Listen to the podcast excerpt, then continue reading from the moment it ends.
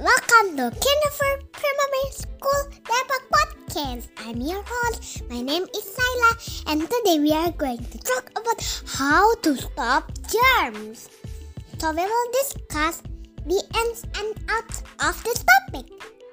Be sure to listen all the way through for the details. Do you get sick easily? Germs are one of the things that can make you sick. Germs can get into your body when you breathe and eat. Germs can get into your mouth from your fingers too. Some germs get into your body when you get a cut on your skin. We need to wash our hands with soap and water to wash the germs off our fingers.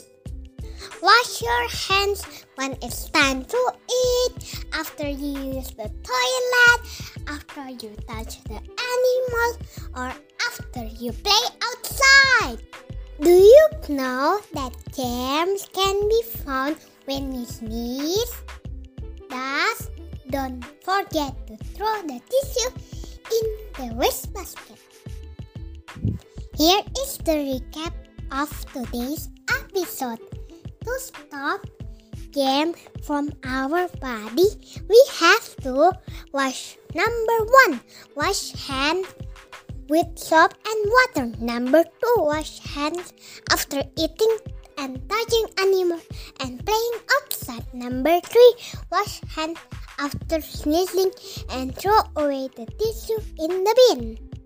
By doing the steps I have just said, we might have saved ourselves and our family from infection disease.